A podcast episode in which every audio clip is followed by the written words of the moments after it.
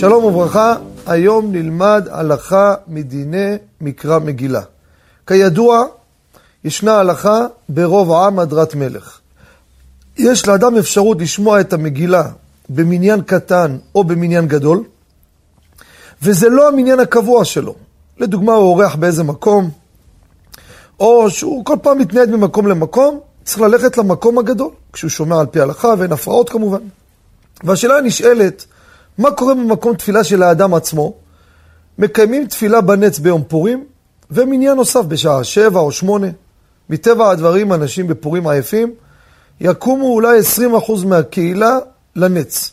מניין קטן. אבל המניין השני יהיו 80% מהאנשים, מניין גדול. האם על פי ההלכה צריך האדם הזה לגמור את התפילה בנץ, תפילת שחרית, ללכת ללמוד, לעשות סידורים ולחזור למניין השני למקרא מגילה מאישום ברוב עם הדרת מלך, או לא? אני אומר, אתה מתפלל בנץ, תגמור כבר את המגילה.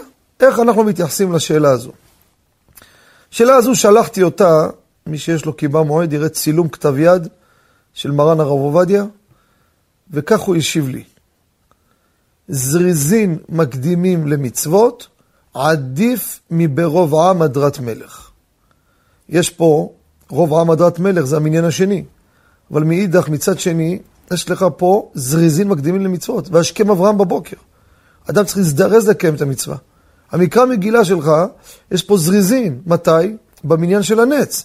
זריזין עדיף מאשר ברוב העם. ולכן, התפלל בנץ עם מקרא מגילה, אפילו שהמניין קטן, ואין שום בעיה בזה. תודה רבה ופורים שמח.